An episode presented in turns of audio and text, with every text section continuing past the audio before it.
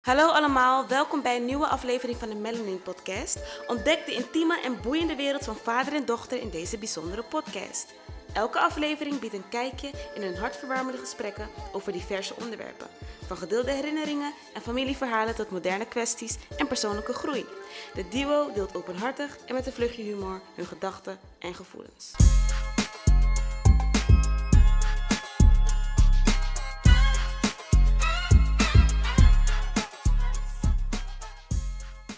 Hallo allemaal, welkom bij weer een nieuwe aflevering van de Melanin Podcast, waarin ik samen met mijn vader verschillende onderwerpen bespreek. Vandaag gaan we het hebben over ehm, het opgroeien tussen mijn vader en mijn dochter, eh, tussen mijn vader en ik, hoe dat is verlopen en hoe we elkaar hebben zien veranderen en groeien door de jaren heen. Ehm, ik begin maar bij het begin. Ehm, ik heb jou bijvoorbeeld als vader vroeger ervaren als heel erg streng. Dat zag ik vroeger, zo zag ik het vroeger bijvoorbeeld. Ik vond jou altijd heel streng, altijd heel veel regels en dat soort dingen. En naarmate ik ouder werd, vond ik het wel wat veel minder en, en heel anders. Hoe, hoe heb jij dat bij mij gezien? Nou, ik wil toch even teruggaan naar het begin, Imara. Want ik denk toch dat het goed is om de luisteraars mee te nemen in de tijd. En eh, toen jij geboren was, vond dat jij nog eigenlijk wist wie jij was. Want je was nog natuurlijk in het buikje van, van mijn vrouw. Eh, toen je geboren was, ben ik wel een beetje geschrokken, als ik eerlijk ben. Ja, dat moet ik eigenlijk wel eerlijk zeggen. Oké, waarom? Nou ja, kijk, eh, jij werd geboren, maar je was helemaal wit en grijze ogen. En ik dacht, wat is dat eigenlijk, weet je? Ik dacht, wat is dat nou? Dus eh, we hebben toch op het begin, hè? Hoe je opgroeide en zo. En, en er was een zuster daar in het ziekenhuis. En die was met je moeder bezig, weet je wel. En toen zei ze, kan ik u even apart spreken? Ik zeg, ja, tuurlijk, weet je. Ze zegt, meneer, heeft u dat gezien? Zeg ik, wat heb ik gezien? Uw dochter is wit en heeft grijze ogen. En toen dacht ik, ja, waarom zegt ze dat nou, weet je? Maar dan ga je stom, hè, vooral, weet je, dan ga je toch roepen, twijfelen, wat is dat nou? Dat is een beetje raar, weet je. Je zag er heel vreemd uit, hoor, trouwens. ik vond je echt heel vreemd uitzien. Ja. Maar je was helemaal wit en grijze ogen. En, maar ja, het was, dat, dat heb je in de families, hè. En naarmate je ouder werd, dan werden je ogen lichtbruin en dan kreeg je een, een tint, weet je. En dan eh, komt het allemaal wel natuurlijk helemaal goed. Maar het is wel grappig, hè, dat je dus zelf denkt, oh, wat voor kind is dat nou eigenlijk, je geboren werd. Ja. En dan heb je ook zo'n rare zuster die dan ook probeerde een beetje, ik weet niet wat ze probeerde te doen eigenlijk, Een wrijving. een wrijving te zorgen en zo, weet je. Maar ik vond het wel heel leuk dat ik een dochter kreeg eigenlijk. Ik had Ja. al een zoon en ik wilde eigenlijk als eerste een jongen hebben. Dat, dat, was, dat was mijn droom. Maar toen ik een meisje kreeg, was het heel, heel apart. Ik weet niet, ik kreeg meteen zo'n beschermd gevoel, weet je, Hoezo? naar jou toe. Ja, omdat het, je bent een meisje. Ik dacht, hé, kleine meisje, weet je. En eh, ik, ik, het was heel anders dan, ik een, dan bij een jongen, weet je. Dus dat was wel, eh, dat, dat wilde ik wel eventjes de luisteraars meegeven voordat ik, eh, voordat we echt de diepte ingaan. Het was, het was een hele aparte ervaring om eerst een jongen te hebben gehad. was ook heel erg apart. Maar meisje kreeg je dan dit, als man een soort beschermd gevoel opeens. Opeens Ja. waren alle andere mannen waren een gevaar, zeg maar. Dat had ik eerst niet. Mhm. Dus dat was heel grappig. Dat is grappig, want eigenlijk hoe heb je dat nu nog steeds? Nee hoor. Ja, dat beschermende gevoel. Mm, zo? Nou, bijvoorbeeld als jij een man niet vertrouwt, dan wil je toch wel even meegaan om te kijken om je dochter te beschermen. Welke man niet vertrouwd? Welke man dan? Dat was vandaag bijvoorbeeld nog. Toen wilde je even checken van, hé, hey, dit is een beetje een aparte man, die zit veel te kijken naar mijn dochter. Toen mocht ik niet naar beneden gaan. Nou. Toen wilde, wilde jij meegaan voor de zekerheid. Eerlijk, dat je Nou. hebt nog steeds die beschermende rol gaat volgens mij niet meer weg. Nee, kijk, het is, ja, we zijn midden in een verbouwing. En eh, ja, soms kijken die mannen toch op een bepaalde manier heel te lang naar jou, weet je wel. En dan begin ik te denken van, hmm, ik vind het, eh, ik, ik moet je toch even kijken. Even, dan moet ik toch als vader eventjes die gasten wat streng in de ogen aankijken. Van, hé, hey, het is wel mijn meisje. En je gaat niet eh, gekke dingen in je overhalen, weet je. Dat heb ik wel, dat moet ik eerlijk zijn. Heb bij Colin natuurlijk veel minder, je broer. Want hij is een, hij is een man. Eh, gek is dat, maar bij een meisje is het wel, ja, dan ben je toch altijd een beetje, blijf je beschermend. En toen jij dus één jaar werd, dan, dan eh, was het altijd leuk om te zien als ik thuis kom. Dan was je, was je echt helemaal blij, hè? Dan, joh, het was net als, eh, het was altijd ook leuk thuis te komen. Want je wist gewoon dat er een kleine meisje op je wachtte en ook een zoontje natuurlijk. En dan ging je rennen en dan ging je de hele huis doorrennen. En, voordat je mij in mijn arm vroeg, vloog om, eh, om ja, eh, op, opgetild te worden. En ik heb een keertje experiment met jou gedaan, hè? Ja. Weet je nog? Dat weet ik. Wat Dat heb je me 6000 keer verteld. Vertel eens, vertel de luisteraars maar. weet je wat mijn vader dus heeft gedaan? Mhm. Toen was ik misschien 2, 3. Ja. En toen ehm, wist je van, als, ik, als jij thuis kwam, dat ik heel blij zou zijn. Mhm. En wat heb je gedaan? Je komt binnen en je deed alsof ik niet bestond. Ja. Ging je alle andere kanten opkijken, behalve mij. Doe alsof ik er niet besta. om te kijken hoe reageert een kindje daarop. Ja. Het is een experiment trouwens, hè? Ja, dat heb ik gezien op YouTube, doen ze dat wel Een kind raakt helemaal van streek. Ja, je moet niet te lang doen hoor, maar Nee. het is even te kijken van hoe belangrijk het is dat je aandacht aan je kind geeft. Vooral in die fase, hè, wat we hebben gezegd, eh, tussen 1 en 4 jaar en nog eigenlijk daarna ook nog steeds. Maar het negeren van een kind kan verstrekkende gevolgen hebben voor, voor eh, een kind. Gewoon zijn gesteldheid, zijn mentale gezondheid en noem maar op. Dus toen ik dat deed, keek je echt helemaal zo van... De hele wereld ging volgens mij... eh, ik heb het misschien maar twee, drie minuutjes gedaan, denk ik hoor. Het kan ook een half uur zijn, weet ik niet meer. Maar in ieder geval, ehm, nee, dat ook niet. Maar, eh, en toen vond mevrouw het niet leuk. Die zei, ja, Bas, nu is het genoeg. Weet je, tilde maar even op. En die was zo blij toen ik optilde. Nou ja, dan was hij twee, drie jaar. En dan ging hij naar school. De eerste dag. Weet je nog dat je Ja, eerste dag die naar school ging? ook op film. Mijn eerste schooldag. Alles gefilmd volgens mij. Toen was jij zo excited en bang. Bang alweer? Allemaal van die rare dingen zeg je eigenlijk. Ja, Hoezo weet bang? je waarom? Je dacht van, er komt heel veel af op je dochter.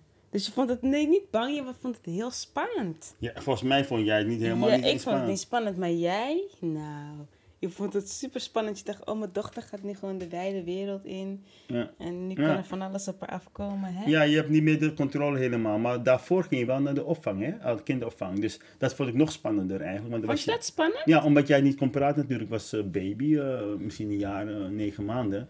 En toen brachten we je naar de kinderopvang, want we moesten werken, oh, je moeder en ik. En dat vond, ik, dat vond ik nog spannender, omdat je dus niet kan praten. Je kan niet vertellen wat er aan de hand is. Ja. Dus eh, voor ons was het heel moeilijk, voor mij, eh, laat ik op mezelf praten, om mijn dochter over te handigen aan een vreemde. En die dan een aantal uren, zeg maar, je hoort ook allemaal van die gekke dingen, hè.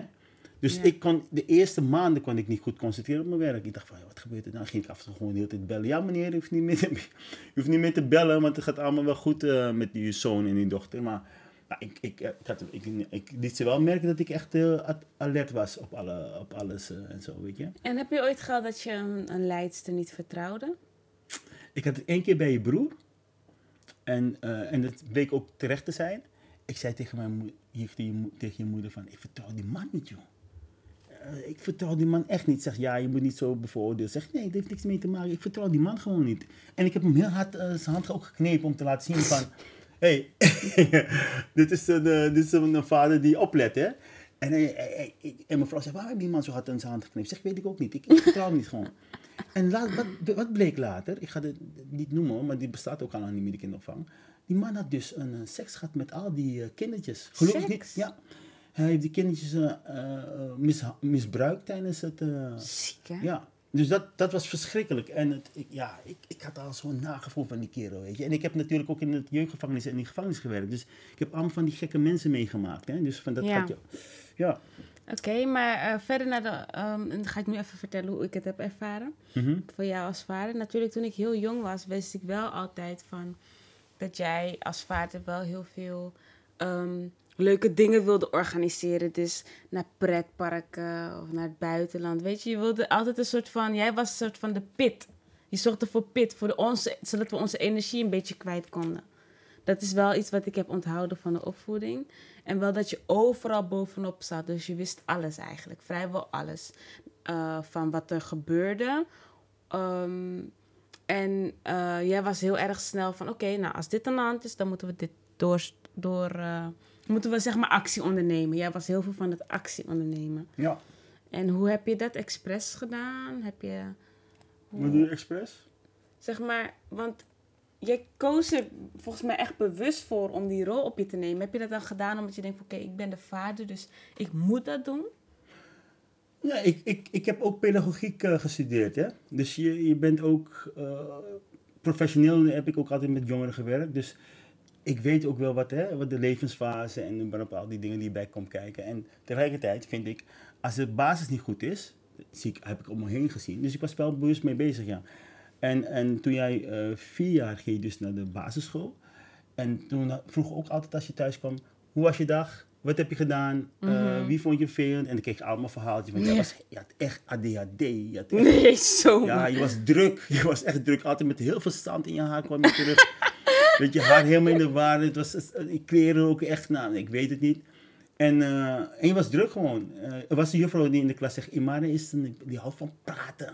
Imara houdt van praten. Dan was je altijd boos, want je wist dan dat, Dat je ik een mij... probleem had. Dat je bij mij een reprimande kreeg van wat, wat doe je dan in de tijd in de klas? Ja, maar, jij, maar dat was wel grappig. Want als dan bijvoorbeeld de juffrouw zei van... Ja, Imara praat veel. Nou, dan ging er door jouw hoofd heen. Dat, het, gewoon dat ik een mislukkeling zou zijn. dat je bijna denkt van... Nou, de, de mijn kind gaat het niet redden. Nee, dat is Eerlijk, dat is echt waar. Nee, nee, is Is dat niet waar? Nee, nee, is overdreven. Sorry. Is overdreven, maar ik wilde wel. Ik, ik wist wel precies wat er een... eh, als er iets met jullie aan de hand was, wist ik het meteen. En, eh, en ik, ik luister ook wel naar de juffrouw, want zelf was ik zeg maar eh, niet iemand die altijd in de klas oplette vroeger. Maar je nam wel alles aan van de docenten. Nou, dat is ook weer niet, want uh, nee, Kees heeft Colin me iets verteld, en je broer, over een docent die hem uh, hardhandig had aangepakt. En ik heb meteen wel actie ondernomen. Van, hé, hey, ik ging naar de juffrouw toe, ik zeg, ik hoorde dat Colin hè, dit tegen mij gezegd, maar ik geloof niet dat dat waar kan zijn. Want ik denk niet dat iemand mijn kind op zo'n dusdanige manier gaat, uh, gaat behandelen.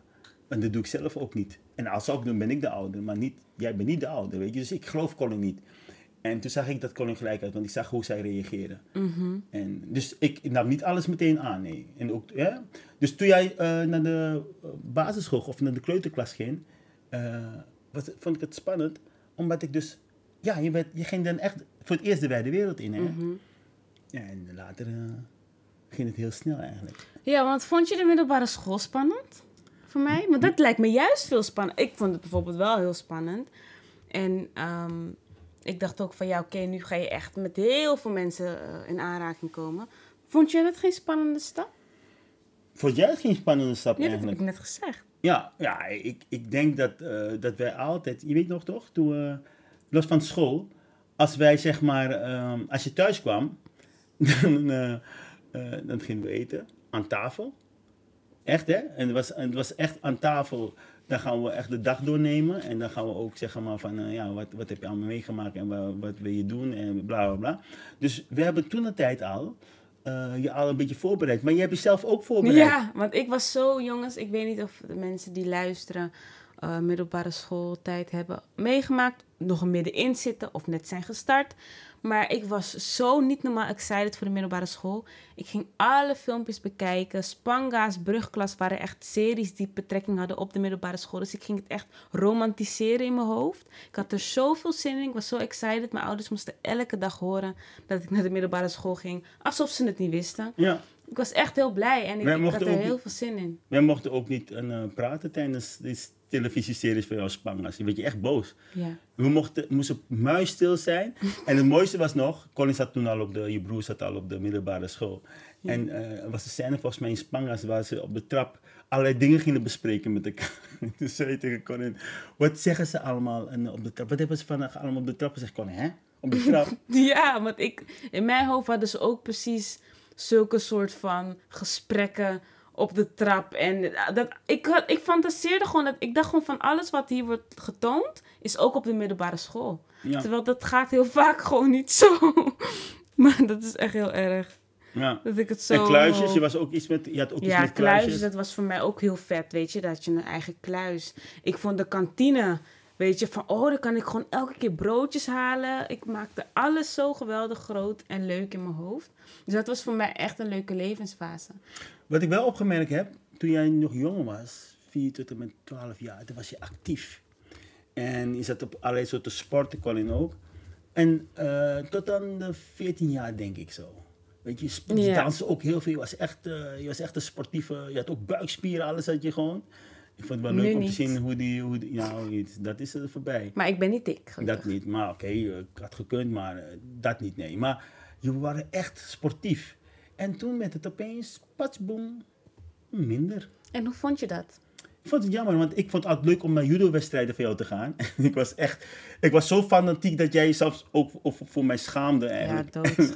En je moeder ook van, want ik ging echt helemaal Het in was die, in zo die wedstrijd. erg als ik een wedstrijd had, bijvoorbeeld. Want ik had best wel veel wedstrijden. Op een gegeven moment had ik er heel veel, hè? Je had heel veel wedstrijden, ja. Jeetje, overal moest ik weer opdraven. En ik dacht van, oh, gaan we weer. Ik was echt niet bewust van dat ik een wedstrijd ging doen. Ik dacht gewoon van, ja, oké, ga judoën. Ja. Weet je, nu zou ik daar veel meer over denken van, oh, tegen wie ga ik? Is Ja. die persoon sterk? Is het...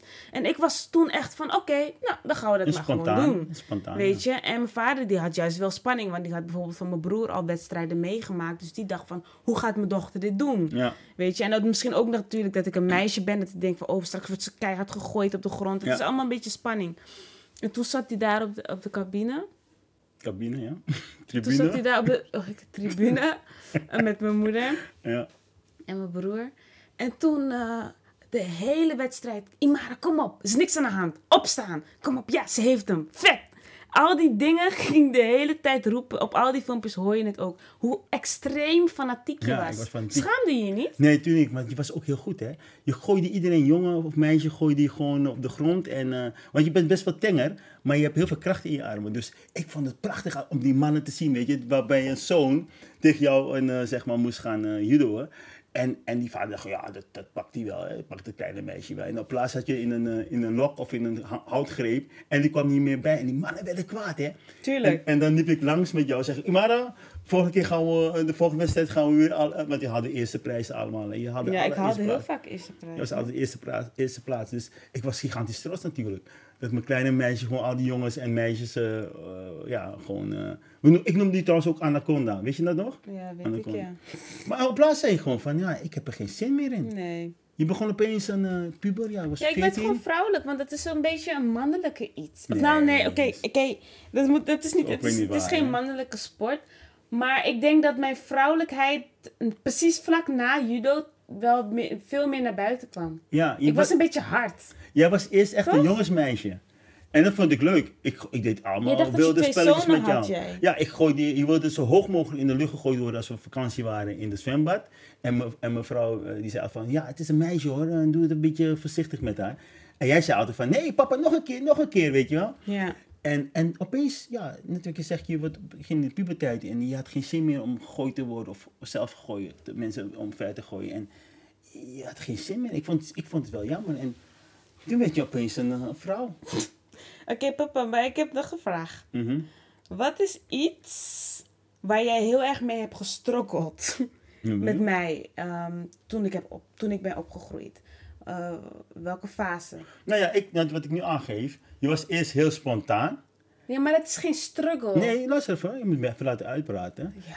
Van heel spontane meisje die alles deed en niet nergens over nadacht, maar het gewoon deed. Nou, opeens een beetje een meisje die eh, heel veel ehm, belang hechtte aan hoe andere mensen over haar dachten. En, en hoe andere mensen naar haar keken. Dat heeft met puberteit te maken. En ook wat rustig, veel rustiger werd. Ehm, niet meer zo spontaan. En dat heeft een tijd geduurd. Ik dacht van, ja, maar wat, hoe kan opeens dat... Zo'n karaktereigenschap, wat ik leuk vond. Hè? Ik vond het leuk hoe je spontaan was. En nou, nou, een soort rustig, een weer kat uit de boom kijkende persoon. Ik dacht, hé, maar dit is een heel ander karakter. Daar moest ik aan wennen. Het is een hele mooie metamorfose, metamorfose geweest. eh, wat jij hebt mee doorgemaakt. En nu zie ik toch wel weer, nadat je wat ouder bent, je bent nu 19, dat je steeds meer nu ook weer die oude Imara, wat ik, wat ik ja, dat vond ik, ik vond het prachtig toen jij zo eh, onbevangen was. Maar ja, dat kan ook niet altijd zo blijven natuurlijk. Hè. Zou Nee. het zijn als jij nog steeds zo zou huppelen, zou, zou huppelen door, de, door het leven. Zonder eh, over dingen na te denken. Want dat deed je vaak. Je deed vaak dingen die ik dacht, hé, hey, je denkt niet over na. Weet je? Dus dat was wel grappig. En dat had ik ook bij jou. Nou, Want ik vind bijvoorbeeld dat jij heel erg bent veranderd. Want ik vond dat toen, jij, toen ik heel jong was, ja. was jij van, dit, is het de regel, dit zijn de regels. En you have to deal with it. Ja, En ik heb gemerkt dat sinds ik in de puberteit kwam en daar waarschijnlijk ook waarde aan hechtte, Mhm. 14, 15 jaar, en jij ook besefte van ja, oké, maar nu moet je wel wat meer gaan praten. mhm. Dat je toen wat meer diepgaande dingen begon te zeggen en me begon te begrijpen op sommige vlakken. ja. En dat, dat is iets wat ik bijvoorbeeld echt een grote verandering vond ja. ten opzichte van toen ik jonger was. Maar- Toen begreep ik heel vaak gewoon jouw redeneringen niet, jouw Hmm. gedachtegoed niet. Ik wilde gewoon lang leven de lol zijn. ja. En, en, sinds, en toen ik ouder was, kon ik wel wat meer, steeds meer gesprekken voeren. Tot aan nu. Dat heeft zich echt ontwikkeld. Het heeft zich ontwikkeld, ja. Maar dat is het leven, hè. Maar kijk, ik vind ook een kind van leeftijd moet gewoon luisteren. Ja, sorry, ik ben ouderwets. Luisteren, luister naar ouderen. Orde, rust en regelmaat, dat is belangrijk. En dan naarmate kind ouder wordt, ga je steeds meer de teugels laten vieren. Dus je geeft je steeds meer bewegingsruimte, steeds meer. En daarom heb ik heel veel met jullie en je moeder ook. We hebben, en nog steeds, we praten heel veel over elkaar. Ook, jij weet precies ook hoe ik denk. Het grappigste is dat als ik soms iets denk of iets wil doen. Je had het al heel vroeg trouwens hoor. Als ik bijvoorbeeld, eh, je, kende, je keek naar mijn ritme. Dus als je wist van, oké, nu gaat hij bijvoorbeeld, wil hij de afstandsbediening hebben. En die was al drie jaar. En dan kwam hij al met de afstandsbediening, zonder dat ik het had gevraagd. Hè? En nog steeds hebben we dat, dat we een situatie kunnen bekijken. En wij hebben het al heel snel door, wij, wij twee met elkaar. We hoeven alleen elkaar aan te kijken en zeg je maar, en dan ga ik het verifiëren bij je. Heb je dat gezien? Zeg, ja, ja, dit en dit bedoel je zeker. Of zag je? Ja, ja, oké. Weet je? Dus we, hebben elkaar, we kennen elkaar door en door als, eh, als, als vader en dochter. En dat is leuk. Ja, Dat vind ik wel leuk. nou, dat is wel een mooie eh, conclusie. Ja, Toch? dat je elkaar steeds beter leert kennen. En dat je elkaar ook steeds leert waarderen. Ja, En je ziet ook, en dat, dat heb je niet verteld, maar Imara, naarmate ik ouder word, ik was vroeger een sterke man, hè. Maar je ziet wel steeds dat ik steeds kleine pijntjes krijg, blessures krijg, spieren die scheuren. Ja. En, en dan zeg je soms, je bent, je bent niet meer die sterke papa, zei je toen tegen mij een keer. Nee, dat heb ik niet. Ja, je zei, je bent, je, bent een, je, bent een, je, bent een, je, bent zwak aan het worden. Je moet ook eerlijk zijn. Je bent zwak aan het worden. Je bent niet meer de sterke papa. Je bent niet meer, ja. En dat Voelt klopt. dat verrot? Nee, nee, maar dit is, dat is de Het voelt realiteit. verrot. Ah. Nee hoor. Nee. No. Nee, nee, maar het is, het is gewoon zo. Je ziet je vader ouder worden. Ja. En dan maak ik van die domme grapjes, wat ik ook eerder keer had gezegd, hè. Van, eh, ja, het gaat een Je keer afgelopen zijn. Je bent belachelijk bezig. Nee, maar je wilt het niet Nee, horen. maar dat is het leven, weet je. Maar wil jij dat niet horen dat je vader een keertje niet meer Dat zijn is het leven. openmaakt? Ik vind dat jij gewoon moet stoppen met dingen heet het in het universum roepen zomaar. Zie je dat wil? Ze niet wil gewoon dat ik steen, van steen blijf. En Nou, dat, dat, Nou dat jongens, ik denk dat dit een mooie nou, je aflevering wordt meteen was. stoppen, hè? Je wordt meteen stoppen met praten. Nou, bedankt voor het luisteren. Toch? Het is Ja, een zeker. mooie aflevering. Ja, het is het leven. We hebben het over leven gehad. En heel Ja. snel vliegen, vlie- eh, ja, vliegensvlug, ja. Zegt ze dat? Of uh, blijf ik doorraten Nou, en ik, moeten stappen? je- ik hoop dat jullie het leuk vonden om ehm, te horen hoe wij onze vader-dochterrelatie hebben ervaren. Vanuit mijn kant, vanuit mijn vaders kant. Misschien horen jullie wel eens herkenningspunten dat jij dat ook had. Ik ben benieuwd. Laat het vooral weten. Ja, En eh, heel erg bedankt voor het luisteren. En tot de volgende aflevering. tot de volgende keer. Doei.